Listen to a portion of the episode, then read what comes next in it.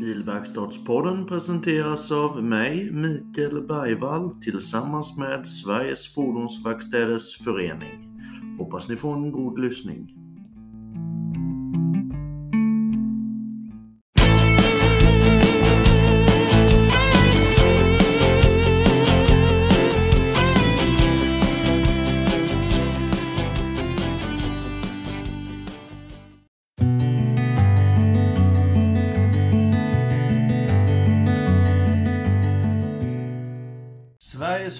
Fordonsverkstäders Förening. Oavsett om du är bilverkstad, däckverkstad, skadeverkstad, lackverkstad, fordonshandlare eller kanske jobbar med bussar eller lastbilar så kan du bli medlem hos oss på Sveriges Fordonsverkstäders Förening. Hos oss vet du att du alltid kommer att få 100% support och stöd med dina frågor gällande just din bransch. Hos oss vet du att ett enda samtal till vår juridiska expertis kan finansiera hela årets medlemsavgift. Hos oss kan du vara trygg med att vi alltid lägger 100% engagemang i att få din vardag enklare och mer lönsam. Välkommen till oss på Sveriges Fordonsverkstäders Förening.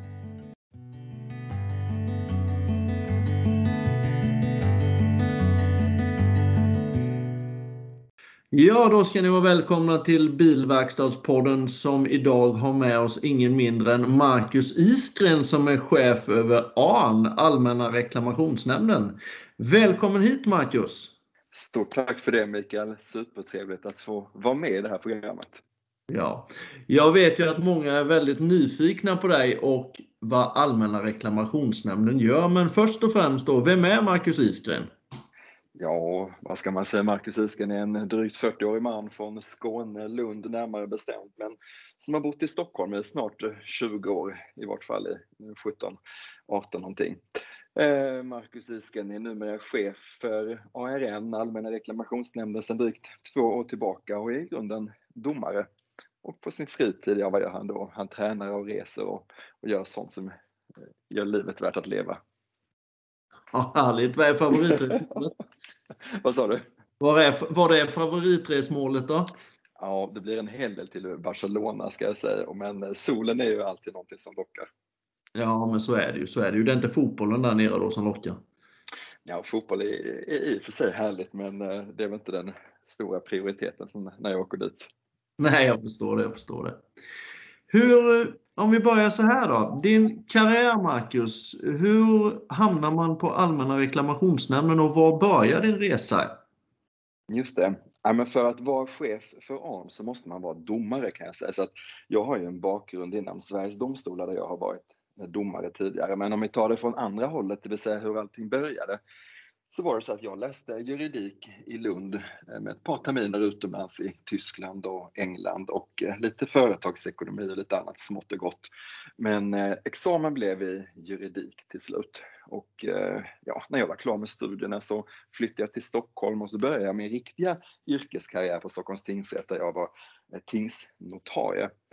Och notarie vet jag inte om alla vet vad det är, men det är en slags avlönad praktik eller utbildningstjänstgöring kan man säga, som man kan få som två år när man är färdigutbildad jurist.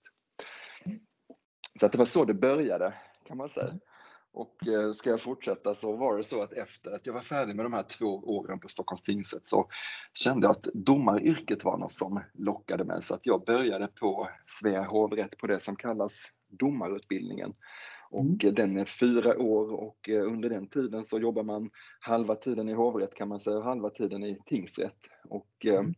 när jag var klar och färdigutbildad domare då stannade jag faktiskt kvar inom Sveriges Domstolar på olika positioner och jobbade även med en statlig utredning som ja, syftade till att effektivisera och, och förbättra eh, brottmålsprocessen. Och, eh, när jag var klar med det jag hade jobbat några år så, så sökte jag mig till Allmänna reklamationsnämnden.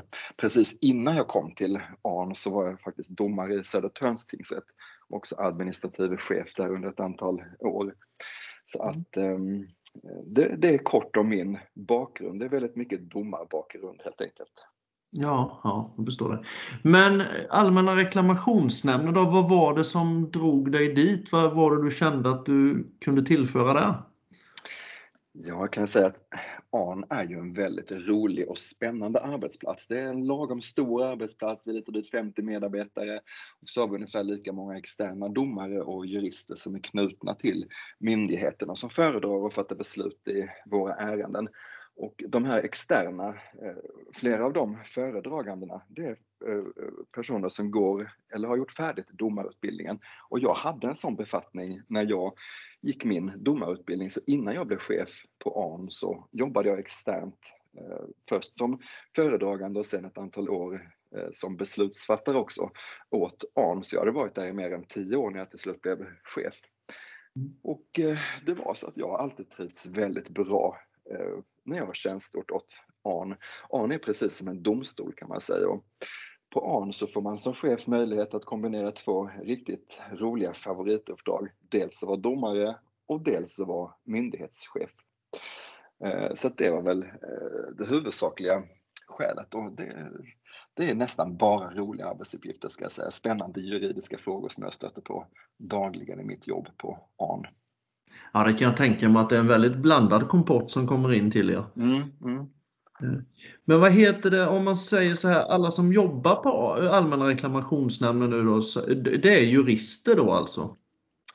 Ja, de allra flesta är jurister. Ungefär kan man väl säga 80 procent av dem är jurister. Sen har vi sekreterare och vaktmästare och IT och annat stöd också. Mm. Och var är ARN placerat i Stockholm? ARN finns eh, på Kungsholmen i Stockholm, ganska nära Rådhuset. Ja. Om vi då tar när du vaknar på morgonen, hur börjar morgonen för dig och hur ser en ganska normal, jag förstår att den är väldigt varierande och trevlig, men hur ser en vanlig arbetsdag ut för dig? Ja, du är inne på det, att den är väldigt varierande. Det är mm. nästan helt eh, omöjligt att svara på, för ingen dag är den andra lik. Men om jag ska göra ett försök, och det kan jag ju såklart göra, så kan man väl säga att jag har två huvudsakliga områden som jag jobbar med. Och dels är det naturligtvis chefskapet, ledarskapet, men det andra benet är ju beslutsfattandet. Eh, för eh, tar man det första, det vill säga mitt uppdrag som chef, då handlar det ju mycket om naturligtvis strategiska frågor, utvecklingsfrågor. Det handlar om hur vi på myndigheten kan bli mer effektiva och samtidigt behålla den höga kvalitet som vi har i vår verksamhet. Det handlar om vårt kommunikationsarbete. Hur kan vi synliggöra och förklara våra beslut för allmänhet och företag eh, så att eh, de i bästa eh, fall själva kan lösa sina tvister för de vet hur, hur lagen ser ut och hur, hur vi kommer att resonera. Eh, kan jag säga tar periodvis en hel del tid för både riksmedia och lokalmedia har ett väldigt stort intresse för konsumenträttsliga frågor. Det är ju just ehm, eh, av det skälet att våra, våra beslut har ju stor betydelse för många människor i deras vardag. Eh, I ledarskapet ligger också frågor som att skapa förutsättningar för att vara en attraktiv arbetsgivare. Eh, jag brukar säga att min arbetsplats, det eh, ska vara en arbetsplats där människor vill arbeta, där man vill engagera sig och där man vill vara med och utveckla arbetsplatsen på olika sätt. Och det där är ju naturligtvis jätteviktiga frågor och uppgifter för mig, för ytterst är det ju jag som är ansvarig för allt det här. Och det är också jag som kan påverka vilken inriktning vi ska ha i våra, eller i olika frågor och hur vi ska vara som arbetsgivare så att säga. Så det är det ena benet, chefskapet och, och ledarskapet. Sen det andra området som jag jobbar mycket med, det är såklart beslutsfattandet. Mm.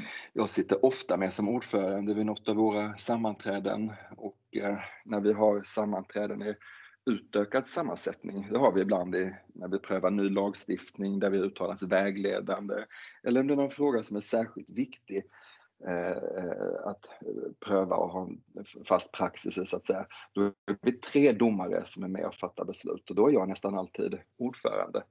Men nästan mm. varje dag så fattar jag beslut även i mindre eh, omfattande ärenden och våra jurister kommer ofta till mig och föredrar ärenden som jag fattar beslut i. Så att det är de två delarna, chefs och ledarskap med eh, lite olika inriktning och sen då eh, eh, beslutsfattandet. Och det är ju lite rent allmänt så hör jag ju här hur det här låter, men eh, hur ser då en vanlig dag ut ja, då sitter jag kanske först i ett möte och diskuterar utvecklingsfrågor, intervju med en journalist på en lokaltidning i Värmland kanske. Sen klurar jag på någon juridisk fråga och fungerar som bollplank i en juridisk diskussion med någon skicklig kollega. Sen mm. äter jag lunch, kanske tränar en stund för friskvården är också viktig att tänka på framförallt i de här coronatiderna. Och sen mm. funderar jag lite på budgetutmaningar för det kommande året och eh, så. Och så kommer det lite mejl och lite annat. Mm. Det, så där ser vardagen ut. Ja, men den låter ju trevlig. Ja, den är jättehärlig ska jag säga. Ja, jag, trivs väldigt bra med mitt jobb. Ja. Eh, om man säger så här, eh, för mig, jag har ju själv aldrig varit inblandad i någonting när det gäller sådana här ärenden eller någonting sådant och inte ens när jag drev egen verksamhet och sånt utan jag tänkte en vanlig dag, hur, har du någon hum om ungefär hur mycket ärenden det är som kommer in till er? Ja, alltså i år så ligger vi ju redan på en ärendeinströmning på eh, 27 000 ärenden nästan på hela eh, året. Då. Så att eh, det kommer väl runt eh, ja, 70 till 100 ärenden per dag kan man säga normalt sett. Som ja. vi registrerar in som nya ärenden. Så det är en hel del. Ja, uppfattar du det som att folk har blivit mer upplysta och man kan söka information och man helt enkelt lättare gör anmälan till Allmänna reklamationsnämnden nu mot vad det har varit tidigare? Ja, det finns flera skäl till att vi har haft en väldigt hög ökning av antalet inkomna ärenden. För att på tre år så har vi klart mer än fördubblat antalet eh, inkomna ärenden. Det har ju skett en jätteökning nu år för år. Eh, men det finns flera olika skäl. Dels handlar det om att konsumenter känner till ARN mycket bättre än vad man gjorde för några år sedan. Det var en lagstiftning för en tre, fyra år sedan som trädde i kraft som innebar att företag är skyldiga att upplysa konsumenter som man har en tvist med som man inte kan lösa själva om att vi finns och att man kan vända sig till oss. Och det har naturligtvis inneburit att folk känner till oss.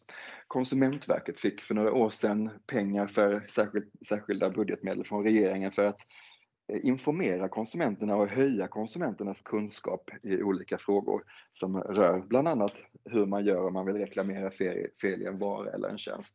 Och det har ju naturligtvis också inneburit att kännedomen om oss har blivit större.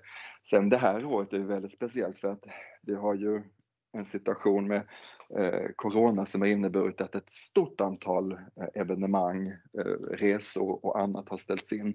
Och många ärenden som vi har fått har ju kommit just från från sådana inställda eh, avtalade tjänster så att säga.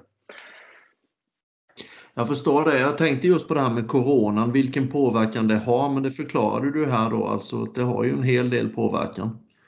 Ja, vi ligger ju på en ökning i år på, på närmare 40 procent av antalet inkomna ärenden jämfört med förra året. Ja. Och den ökningen är i huvudsak grundad i eh, de coronarelaterade som vi kallar det, ärendena. Eh, ärenden som uppkommit på grund av de restriktioner som myndigheter har fattat om hur vi får eh, umgås och hur många man får vara som träffar varandra och, och så i olika sammanhang. Mm. Jag tänkte på det här, era möten och det ni har nu då, hur, hur löser mm. ni det nu under coronatid? Jobbar ni med dem via Teams nu då istället eller är det bara en liten sval fråga? Men, men jobbar ni via Teams nu istället eller träffas ni och håller föredragen som vanligt? Ja, jag kan säga som utgångspunkt så jobbar alla medarbetare på ARN just nu hemma och det har vi gjort sedan i våras. Men naturligtvis så är det så att några måste alltid vara på arbetsplatsen för att ta emot externa besökare och för att utföra vissa arbetsuppgifter som man måste göra på plats. När det gäller våra sammanträden, jag kan ju berätta lite kort om hur vi fattar beslut i våra ärenden om du vill som en inledning. Väldigt gärna. Ja, men då ska jag med glädje göra det för att det är ju på det sättet att eh, när vi avgör beslut, eh, avgör ett ärende genom beslutsfattande, då håller vi som utgångspunkt ett sammanträde och där är antingen jag eller några av våra externa, vi har ungefär 25 externa domare som jobbar åt oss, som normalt sett jobbar på domstolar eller på, på andra arbetsplatser. Då sitter de ordförande, sen har vi två representanter för konsumentorganisationer och två representanter för eh, näringslivet från företag. Och är det ett motorärende till exempel, ja då har vi ledamöter från Motormännen, MRF, Sveriges Fordonsverkstäders Förening, Sveriges Konsumenter och andra organisationer som verkar så att säga som branschorganisationer på motorområdet. Och det innebär att vi har en jättebra tillgång både till teknisk kompetens men också kännedom om sedvänjor i branschen och det, det är väldigt värdefullt för oss i vårt beslutsfattande. Och normalt sett tidigare så har vi träffats alltid och suttit i våra lokaler och gått igenom Eh, parternas eh, uppgifter och den bevisning de har skickat in och diskuterat oss fram till en lösning. Nu gör vi på exakt samma sätt, men vi ses som utgångspunkt via eh, videos. Vi har ju digitala sammanträden och vi mm. hade gjort en väldigt stor digital satsning precis innan corona slog till så att hela de systemen fanns på plats då så att vi kunde direkt gå över till, till digitala sammanträden och, och det har funkat överlag väldigt, väldigt bra. Mm, mm. Eh, jag är ju väldigt intresserad utav och jobbar ju åt Sveriges Fordonsverkstäders Förening som du nämnde här. Mm. Eh, hur har det påverkat, eller hur har det utfallit, hur är utfallet när det gäller antal ärenden på fordonssidan? Ja, där fordonsavdelningen, eller motoravdelningen som vi kallar den, det är ju en av våra absolut största avdelningar där vi får in eh, nästan mest ärenden. Det är bara reseavdelningen som egentligen som är större. Mm. Eh, och ser man på ökningen de senaste åren så jämför man med från 2017 till 2019 eh, till exempel, så det är en ökning på 35 procent. Så det är en kraftig ökning eh, som har kommit eh, in när det gäller motorärenden. Mm. Och beror det på liksom att man är mer upplyst eller beror det på att det är fler oseriösa verkstäder? Eller vad, vad, har du någon känsla för vad det kan bero på? Nej, jag brukar aldrig vilja uttala mig i frågor om oseriositet och inte för den omständigheten att man har en tvist hos oss. Det behöver ju absolut inte betyda att man inte är seriös utan eh, de allra flesta gånger så är min uppfattning att antingen har parterna pratat förbi varandra, om man till exempel har träffat avtal om en tjänst så menar, säger konsumenten en sak och företaget uppfattar det på antingen på, på rätt sätt eller på delvis eh, annat sätt och man, man, man, pratar förbi varandra så att säga. Många gånger är tvisten också att man uppfattar att priset ska vara ett visst pris men det blir ett annat. Eh, så mm. Att man har olika uppfattningar om en sak det betyder inte att man är varken seriös eller eh, oseriös utan det, det, är ofta det som är grogrunden till själva tvisten så att säga. Men mm. eh, så att eh, jag, jag, kan inte alls svara på det utan jag konstaterar att det är en ökning och vad den beror på det kan vi inte riktigt eh, se när det gäller eh, motorsidan utan mycket är nog beroende på just det här att man kännedomen om AN har blivit större och eh, att man vet att vi finns och därför anmäler i större utsträckning. Det, det skulle jag säga. Ser vi på andra Eh, avdelningen så kan vi se kanske tydligare förklaringar. Bankavdelningen ökade mycket ett år och det berodde på att bedrägerierna, eh, internetbedrägerier och olika former av bedrägerier hade ökat väldigt kraftigt i samhället just då och det fick en tydlig effekt på våra inkomna ärenden till exempel. Och nu ser vi också de här så kallade coronaeffekterna på mm. vissa avdelningar men det ser vi inte på motor utan där har det nog andra orsaker. Ja, ja jag förstår. Eh, om man då som konsument eh, är, eh, ja man är, eh, har olika sätt att se på en affär exempelvis. Alltså är det, vad jag förstår så den första man ska vända sig till det är konsumentvägledaren i kommunen eller är jag ute och cyklar där? Eh, nej, alltså det allra första man ska göra det är naturligtvis att ha en dialog med företaget så att konsument och företag försöker lösa tvisten tillsammans. Man reklamerar på rätt sätt och, och att företaget hanterar reklamationen och, och eh, ger ett svar. I bästa fall löser ju parterna det då. Det sker nästan alltid, eller de flesta gångerna i alla fall. Och om man då inte eh, kommer överens, så att säga, då har ju konsumenten, precis som du säger, möjlighet att vända sig till den kommunala konsumentvägledningen och få hjälp med hur man eh, och information om den fortsatta processen eller vilka möjligheter man som konsument har då. Sen är det mm. på det sättet att konsumentvägledningen har skurits ner ganska rejält i många kommuner, så många kommuner har inte den funktionen längre. Och då finns också möjligheten att vända sig till Hallå konsument, som är en konsumentupplysningstjänst som Konsumentverket har. Eh, och det kan man göra antingen på mejl eller på eh, telefon och så. Och där kan man få rådgivning och stöd i hur man kan gå vidare i, i processen. Och om man då fortfarande inte lyckas nå fram så att säga, till företaget, då finns möjligheten att gå antingen till domstol eller till ARN och då går ju de allra flesta till, till oss naturligtvis. Mm. Mm. Jag har ju en fråga eh, som lyder, vad ser du är den största utmaningen för fordonsbranschen? Men jag kan väl säga ställa, omformulera frågan lite. Vad är egentligen den största utmaningen för en leverantör av en vara eller tjänst, tycker du? Är det kommunikationen med kunden eller? Ja, alltså den största utmaningen vet jag inte riktigt hur jag ska svara på för att mitt uppdrag är att vara chef för en opartisk domstolsliknande myndighet och vi prövar tvister.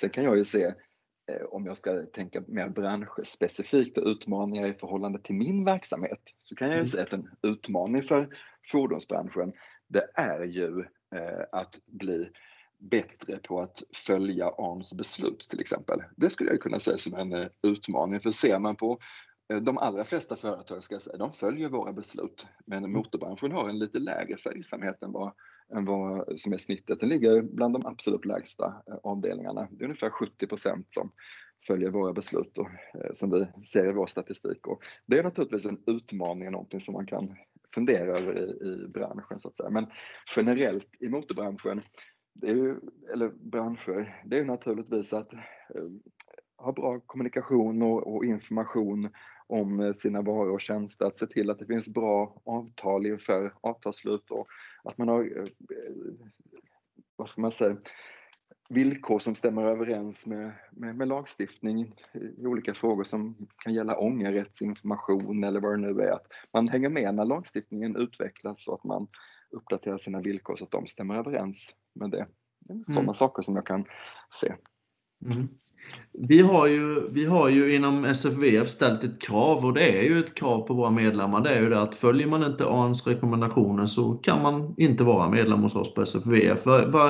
Jag var ju även med på, på en båtresa där du höll ett föredrag om eh, AN då, eh, som var helt otroligt magiskt bra tycker jag. Ja, tackar för det, roligt att höra. ja, det var, inledningen var jättetrevlig. Eh, vad anser du själv om organisationen SFVF till exempel, eller branschorganisationer överhuvudtaget? Känner du att du vill uttala dig om det?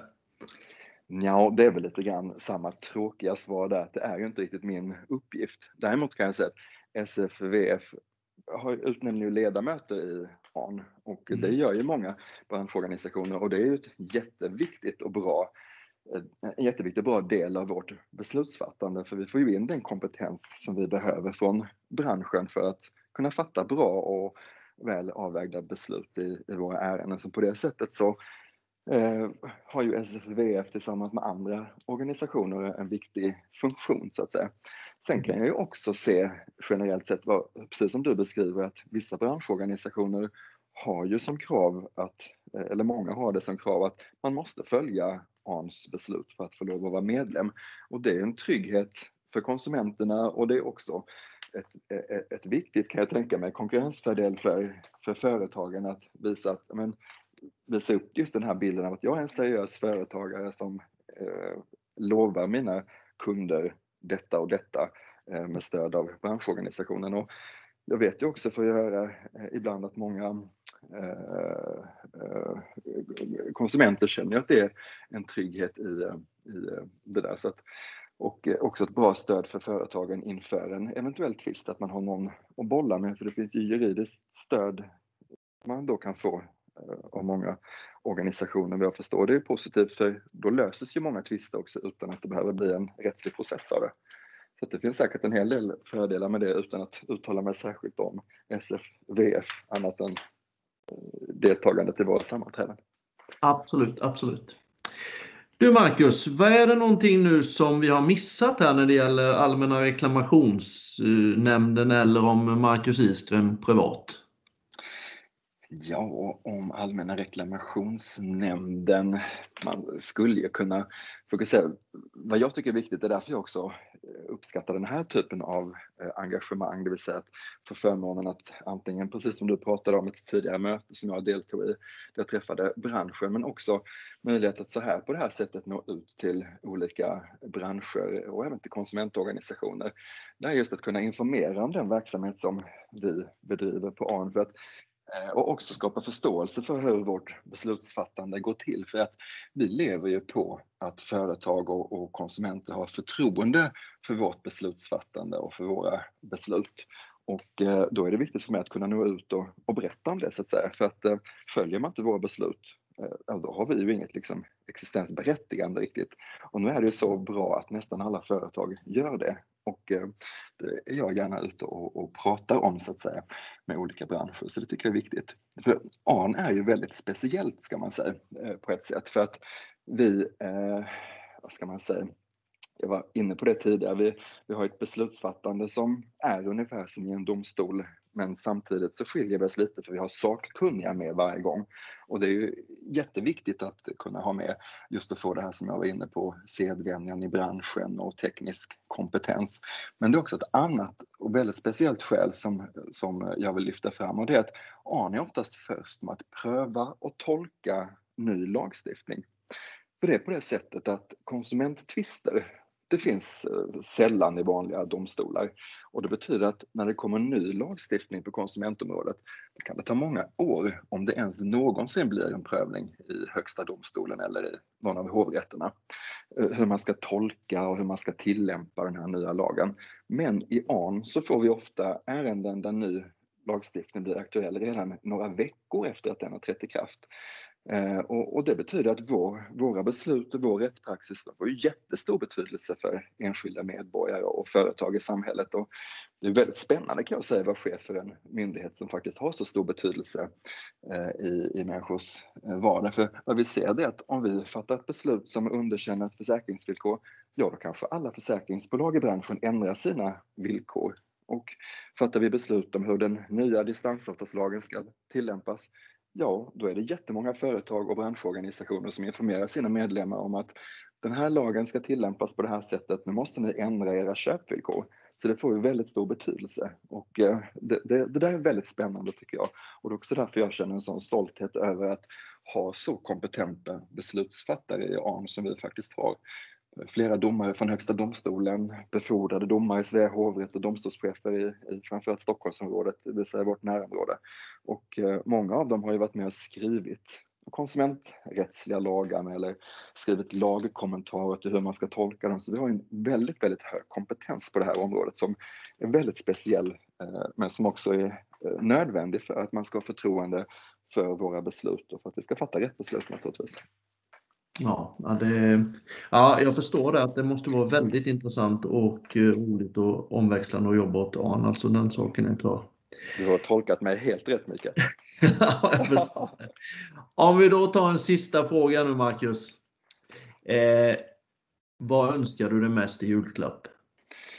Ja, jag önskar mig att coronasituationen lägger sig och försvinner och att vi kan återgå till det normala livet i samhället. Det gör jag också faktiskt. Det, ja. Ja. Då har vi samsyn. ja, jag önskar dig och Allmänna reklamationsnamnen en väldigt bra och trevlig helg och även eh, fortsättningsvis önskar jag er lycka till med ärenden ni kom, som kommer in till er. Stort och, tack för det Mikael och tack för att jag fick vara med här. Jättetrevligt. Ja, det var oerhört intressant och väldigt glad att du ville ställa upp på det. Ha det så jättefint! Tack detsamma! Hejdå!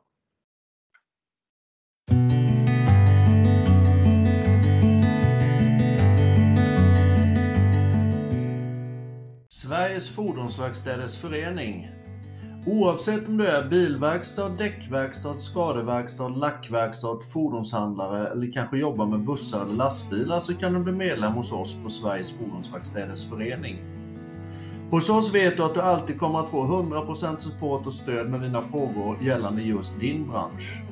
Hos oss vet du att ett enda samtal till vår juridiska expertis kan finansiera hela årets medlemsavgift. Hos oss kan du vara trygg med att vi alltid lägger 100% engagemang i att få din vardag enklare och mer lönsam. Välkommen till oss på Sveriges Fordonsverkstäders Förening.